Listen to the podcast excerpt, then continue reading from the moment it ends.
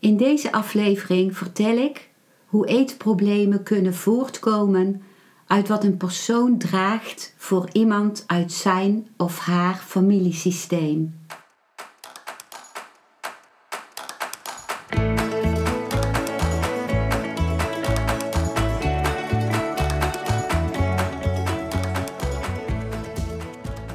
Welkom bij een nieuwe aflevering van Modita's podcast Van Pijn naar Zijn. De podcast waarin ik je meeneem voorbij de pijn in je leven naar wie je diep van binnen bent. Hoe kun je beter omgaan met je gevoelens? Hoe vind je rust in je hoofd? Wat zit er precies achter je pijn? En vooral, hoe kun je steeds meer jezelf zijn? Adem eens diep in en uit. Ik wens je veel luisterplezier.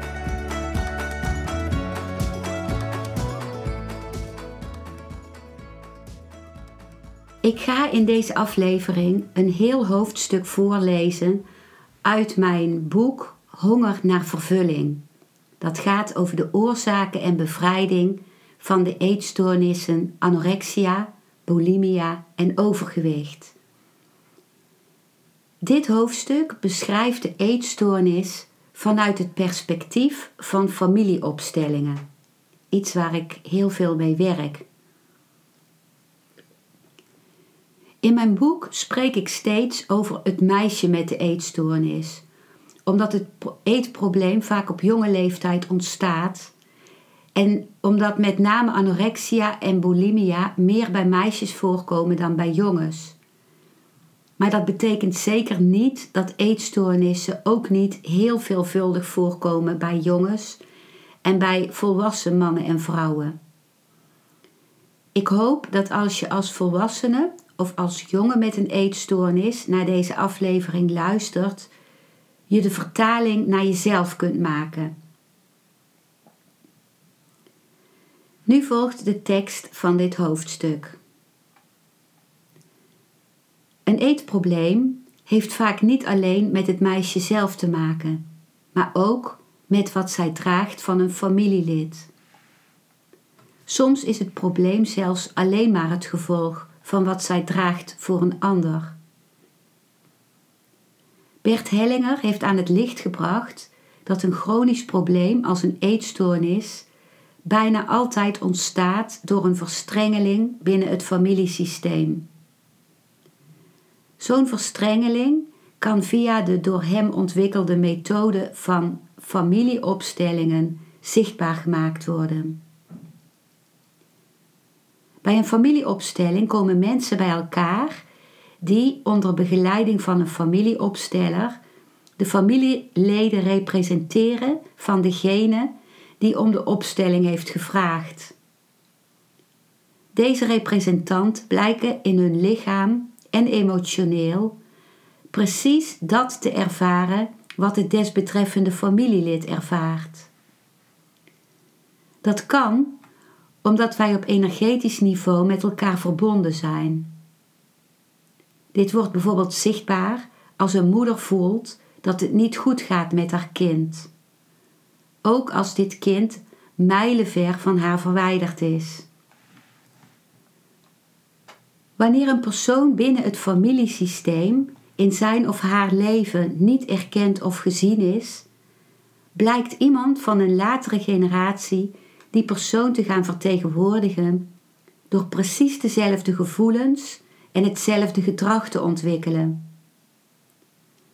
Op die manier wordt het niet erkende familielid alsnog zichtbaar. Dit gebeurt altijd onbewust.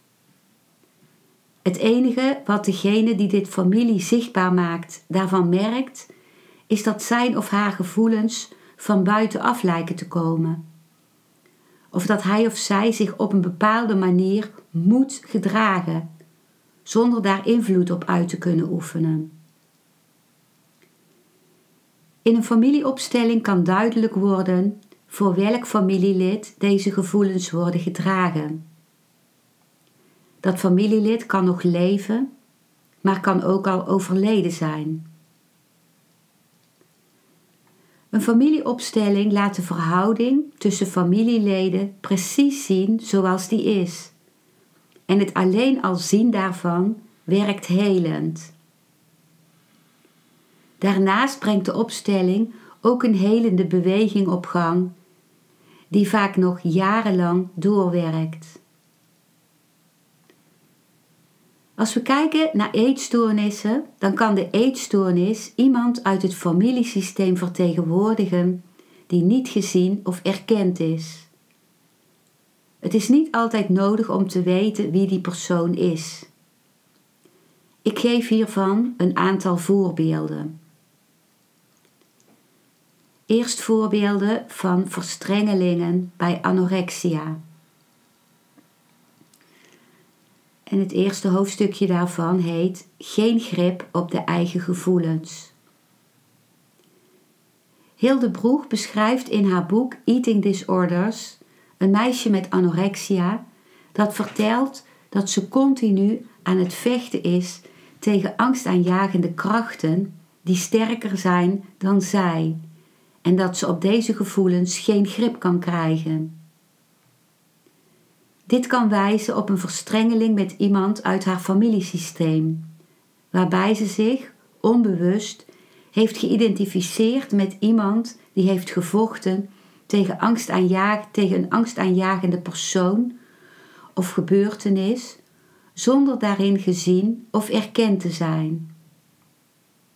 Door zich de gevoelens van dat familielid toe te eigenen, iets wat altijd onbewust gebeurt, maakt ze deze persoon alsnog zichtbaar. Ze draagt diens gevoelens uit liefde voor hem of haar. Het gevoel van geen grip te kunnen krijgen op haar gevoelens geeft aan dat het niet haar eigen gevoelens zijn. Het zijn de gevoelens van het desbetreffende familielid waar zij vanzelfsprekend geen zeggenschap over heeft. Een familieopstelling maakt duidelijk dat ze met haar vechten een ander vertegenwoordigt. Het zien daarvan is al helend. Als ze in de opstelling het lot van dat familielid erkent, valt de last die ze voor die persoon droeg van haar schouders. Ook het desbetreffende familielid kan dan rusten, omdat het gezien is. De helende beweging die met zo'n familieopstelling op gang gebracht is, gaat vaak nog jaren door, zonder dat er verder nog iets geanalyseerd hoeft te worden.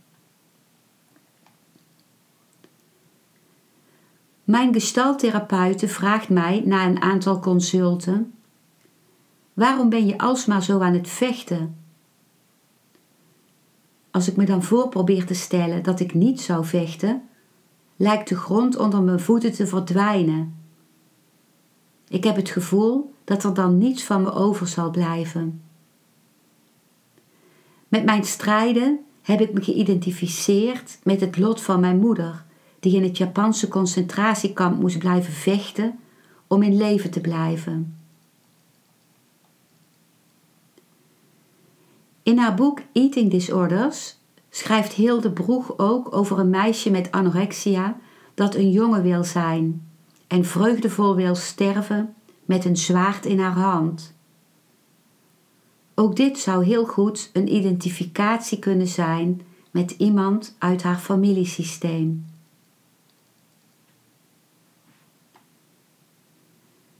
Dan komt er een klein hoofdstukje dat gaat over zich slecht of onwaardig voelen.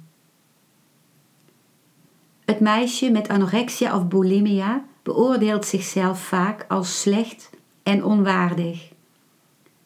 Deze gevoelens kan ze dragen voor een familielid op wie werd neergekeken. Vanuit liefde voor die persoon kan ze zich onbewust met diens lot geïdentificeerd hebben, waardoor die zich alsnog gezien en waardig bevonden voelt. Een familieopstelling kan dit aan het licht brengen. Dan komt er een subhoofdstukje identificatie met een slachtoffer.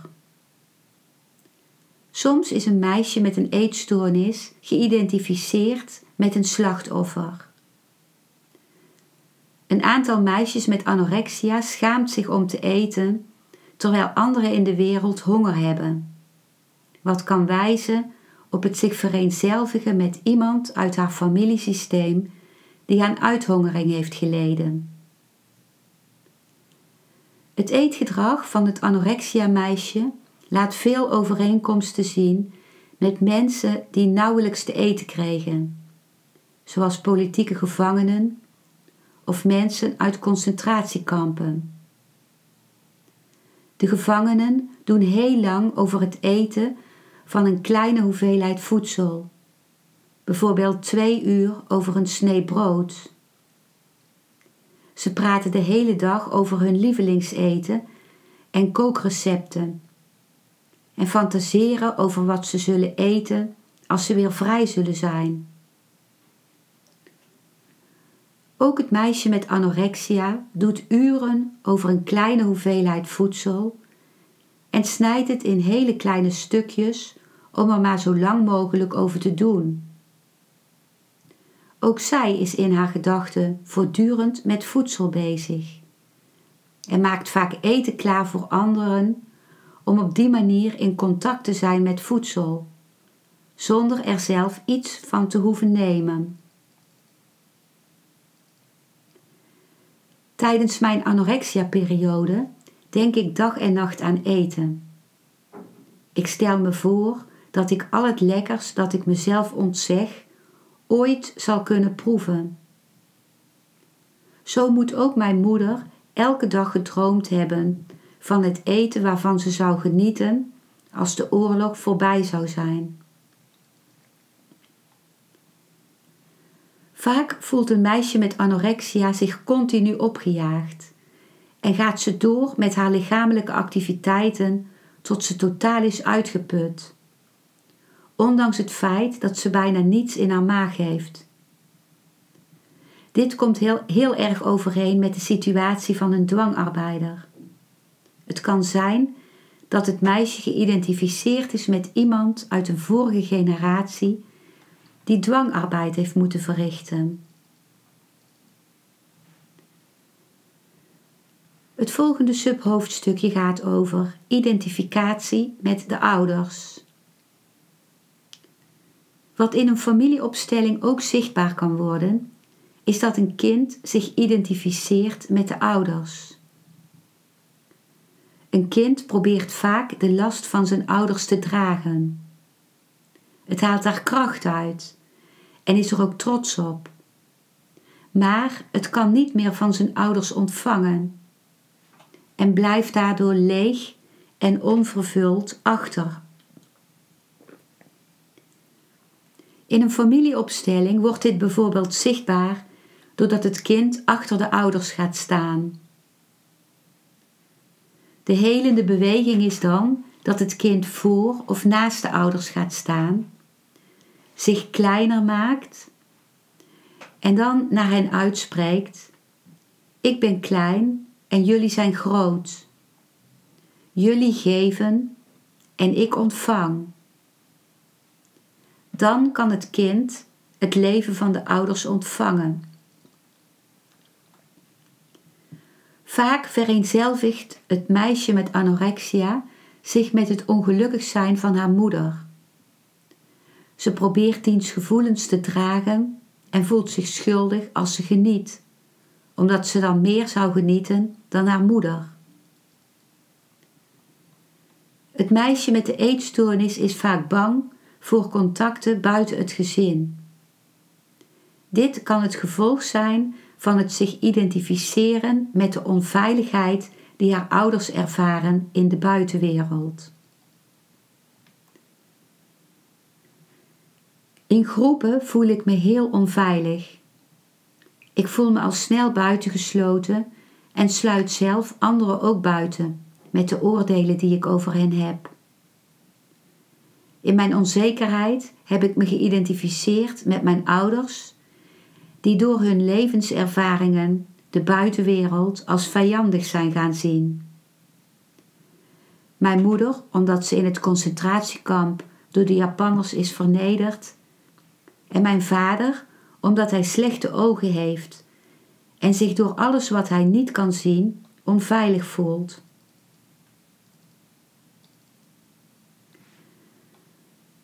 Het volgende subhoofdstuk gaat over verstrengeling bij obesitas, bij overgewicht. Familieopsteller Marco Mako heeft een Engelstalig boekje geschreven over verstrengelingen binnen het familiesysteem die hij heeft gezien bij mensen met overgewicht, waarvan ik er twee beschrijf. Het boekje heet Stopping the Obesity Pattern with Systemic Constellation Work. De eerste casus uit dit boek. In de familie van een vrouw met overgewicht is iedereen heel dik. Je mag alleen tot deze familie behoren als je groot en zwaar bent. Als iemand gewicht verliest, loopt hij het gevaar de liefde van de andere familieleden te verliezen en uit de familie gestoten te worden. Ondanks haar angst buitengesloten te worden, gaat de vrouw in de familieopstelling staan voor haar streven naar een lager gewicht. Dat is aanvankelijk heel pijnlijk voor haar, omdat ze ziet hoe alle familieleden zich van haar afkeren. Maar als ze blijft staan voor haar keuze, komen er een paar familieleden dichterbij. Ze ziet nu hoe belangrijk het is om te blijven staan voor wat ze zelf wil. Na acht maanden is ze 22 kilo lichter, zonder dat het haar moeite heeft gekost. De tweede casus uit dit boek. In de familieopstelling van een andere vrouw wordt duidelijk dat haar overgewicht een persoon in haar familiesysteem vertegenwoordigt die niet gerespecteerd is. Nadat zij tijdens de opstelling deze geminachte persoon gezien en erkend heeft, raakt ze haar overgewicht heel gemakkelijk kwijt.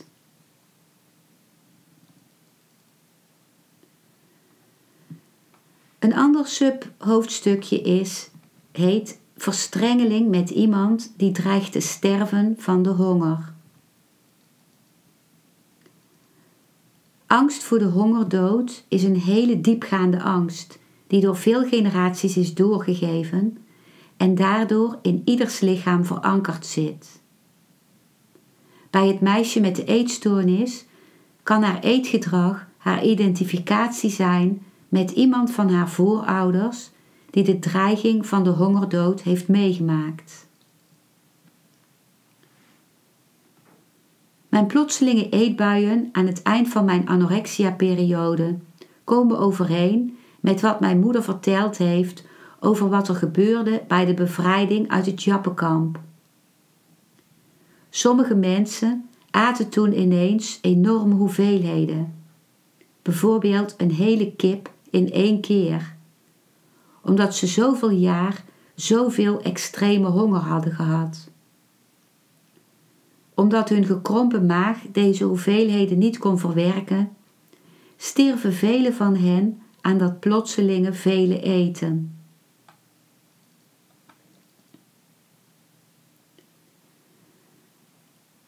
Het volgende onderdeel van dit hoofdstuk heeft de titel Een verkeerde rol innemen. In de duizenden familieopstellingen die hij heeft begeleid, heeft Bert Hellinger proefondervindelijk ontdekt dat iemands leven alleen kan stromen als de ouders geven en de kinderen ontvangen. Het leven dat de ouders gegeven hebben, kan dan doorstromen naar hun kinderen, die het weer doorgeven aan hun kinderen. Of, als ze die niet hebben, aan een project.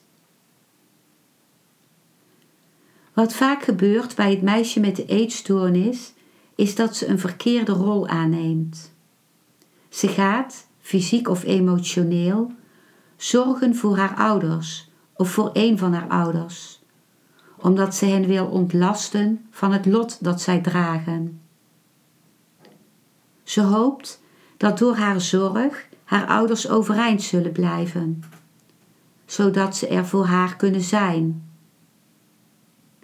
Met dat zorgen neemt ze de ouderrol in ten opzichte van haar ouders, waardoor ze aan hen geeft en niet van hen ontvangt.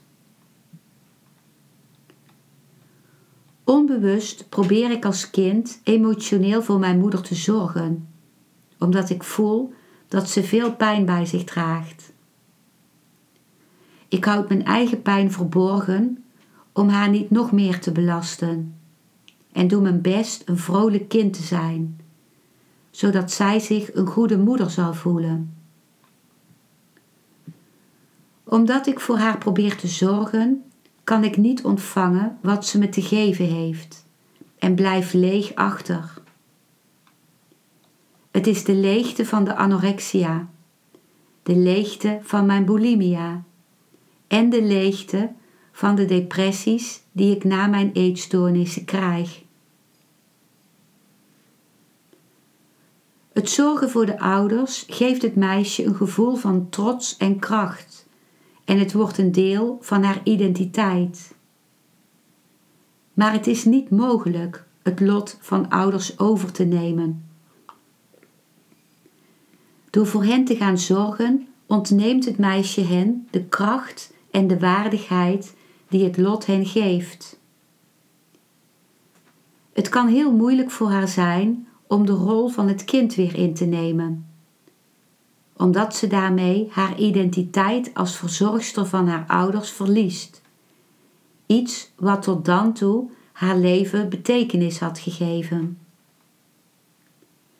In eerste instantie komt ze daarom in een gat terecht.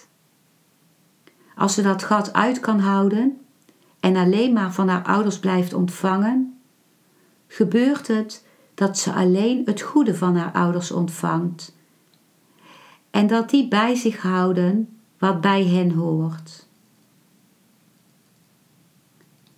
Er is nog een manier waarop het meisje in een verkeerde rol terecht kan komen. En dat is als ze zich gaat bemoeien met de relatie van haar ouders. Vaak zijn het de ouders die het kind in hun relatieprobleem betrekken, door het als boodschapper of bemiddelaar te gebruiken. De ouders van een meisje met een eetstoornis hebben vaak een slecht huwelijk en het meisje staat tussen hen in.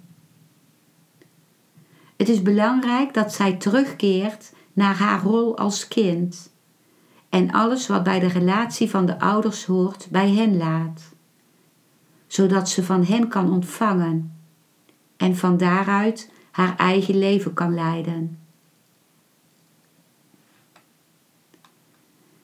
Ik vind het rot dat mijn moeder mannen als slap betitelt.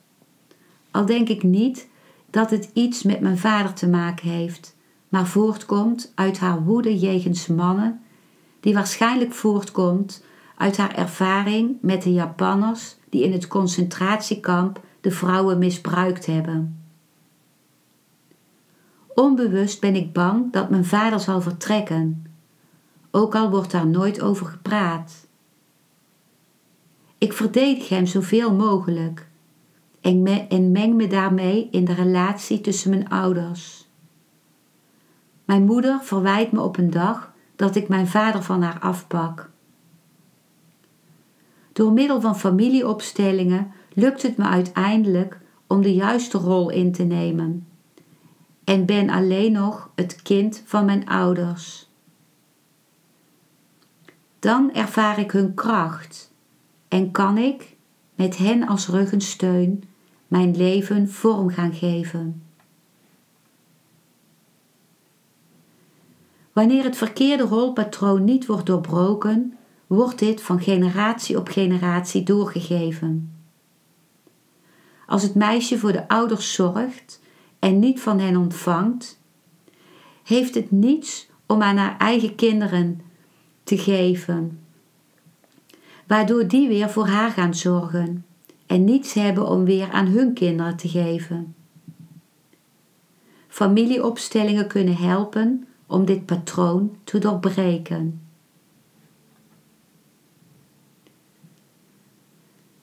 Het volgende uh, subhoofdstukje van dit hoofdstuk heet Loyaliteit naar de ouders.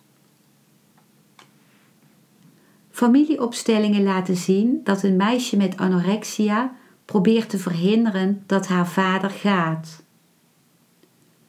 Onbewust wil ze voorkomen dat hij het gezin verlaat of dat hij overlijdt. Door anorexia te krijgen zegt ze: Liever verdwijn ik dan jij, lieve papa. Als haar vader dreigt te vertrekken door een echtscheiding, is haar anorexia een poging om haar ouders bij elkaar te houden, door hun gemeenschappelijke bezorgdheid over haar ondergewicht. Van deze drijfveren is ze zich niet bewust. Bij bulimia komt in familieopstellingen het verschil in betekenis tussen eetbuien en braken naar voren. De eetbuien vertegenwoordigen de loyaliteit van het meisje naar haar moeder. Ze zegt hiermee: Mama, ik neem het voedsel van jou. Met haar braken is ze loyaliteit naar haar vader en zegt daarmee: Ik neem niet wat mijn moeder me geeft, want ik kies voor jou, papa.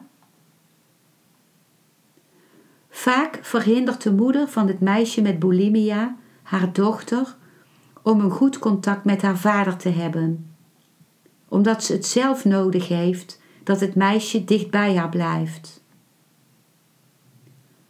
Een oefening die helend is voor het bulimia-meisje is dat ze zich voorstelt dat ze bij haar vader op schoot zit aan een tafel waarop heel lekkere etenswaren staan uitgestald.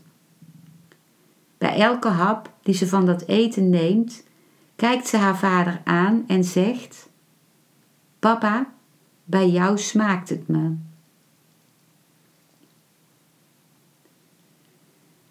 In het Osho International Meditation Resort in Pune, India, krijg ik in een workshop een oefening waarbij ik me tijdens de lunch moet laten voeden door iemand anders.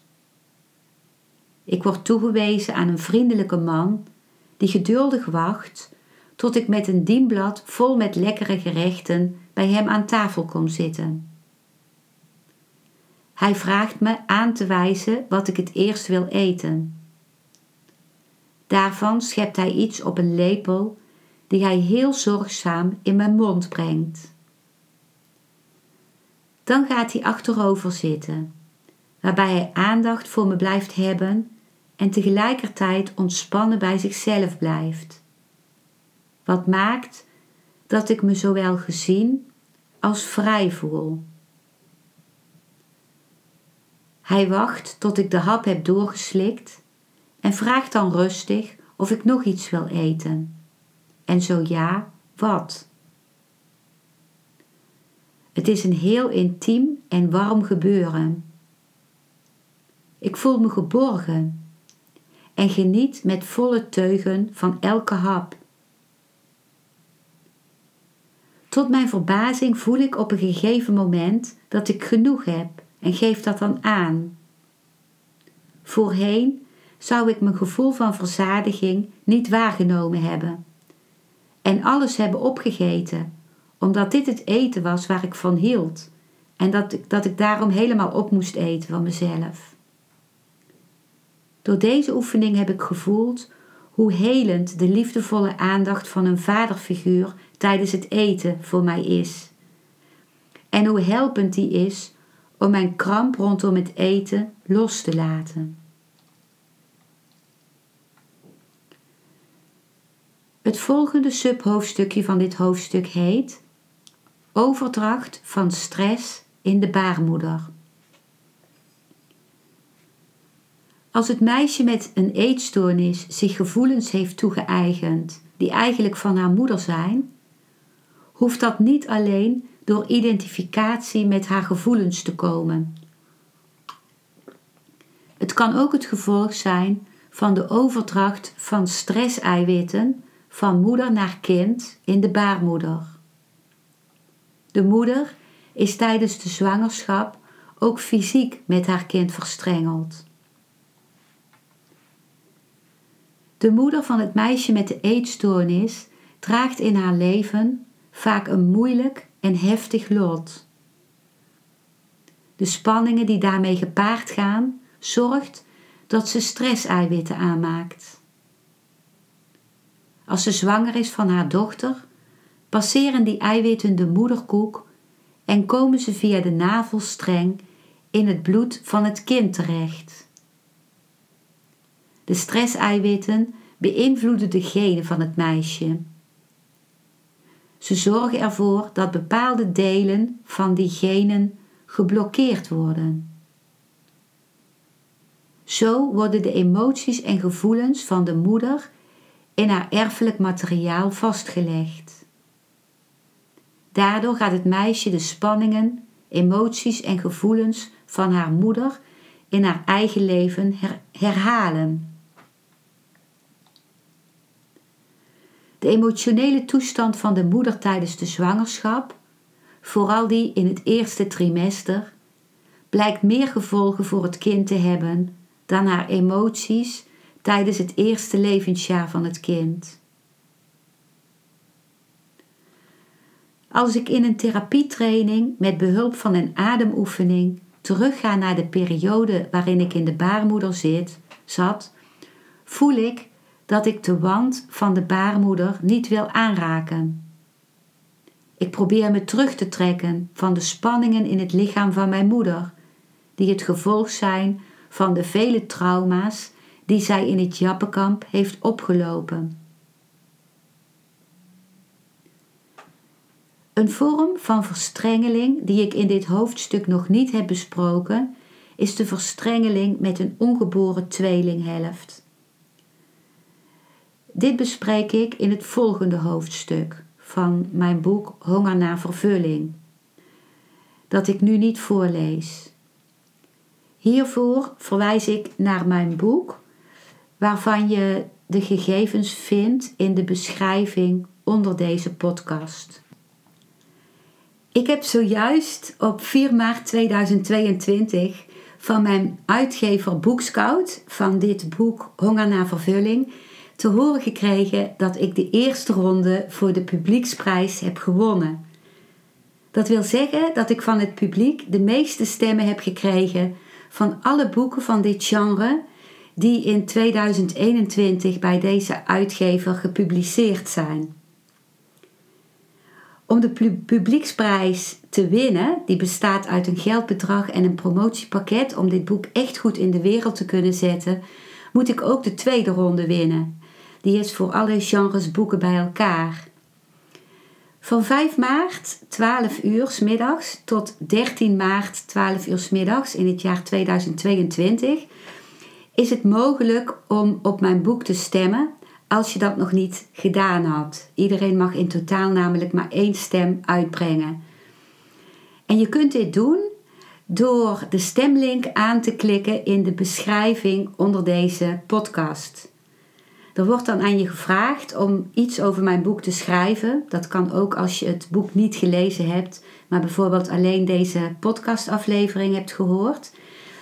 En er wordt ook gevraagd om je naam en e-mail, e-mailadres in te vullen. En nadat je dan gestemd hebt, krijg je eh, eventjes later nog een mailtje van de uitgever om je stem te bevestigen. Dat doen ze om, om uh, ja, fraude tegen te gaan, zeg maar. Ik wil je heel hartelijk bedanken als je dat zou willen doen. Je helpt dan niet alleen mij, maar vooral ook de mensen met eetproblemen en hun ouders en therapeuten. Omdat die het boek dan veel gemakkelijker zullen kunnen vinden als ik het beter kan promoten. Iedereen die voor mijn boek gestemd heeft in de eerste ronde wil ik ontzettend bedanken. Het is zo'n kostbaar geschenk voor mij. Ik zou het heel fijn vinden als je deze podcastaflevering met mensen zou willen delen die de aflevering zouden willen beluisteren. En ook met mensen die een stem op mijn boek uit zouden willen brengen. Dank je heel hartelijk voor jouw steun. Als je vragen hebt, stuur me dan gerust een mailtje. Mijn e-mailadres vind je ook in de beschrijving onder deze podcastaflevering. Dank je wel voor het luisteren naar deze aflevering. Ik hoop dat hij je een nieuw inzicht of perspectief heeft gegeven. Ik hou van interactie, dus als je iets wilt delen, stuur me dan een mailtje op info@genietenvanmeditatie.nl. Ik geef je dan altijd antwoord. Ik wens jou dat je vreugde in het dagelijks leven zult ervaren en innerlijke rust. En dat je steeds meer je pijn zult kunnen omvormen in zijn. Je kunt de afleveringen van deze podcast volgen via Spotify, Google Podcast, Apple Podcast en Podbean door op de volg- of abonneerknop te klikken. Als je luistert via de Apple Podcast, dat kan alleen als je een iPhone hebt, heb je een extra voordeel. Omdat als je op de knop abonneren klikt, je steeds een berichtje op je mobiele telefoon ontvangt als er weer een volgende aflevering van mijn podcast verschijnt. Je bent van harte welkom bij die volgende aflevering.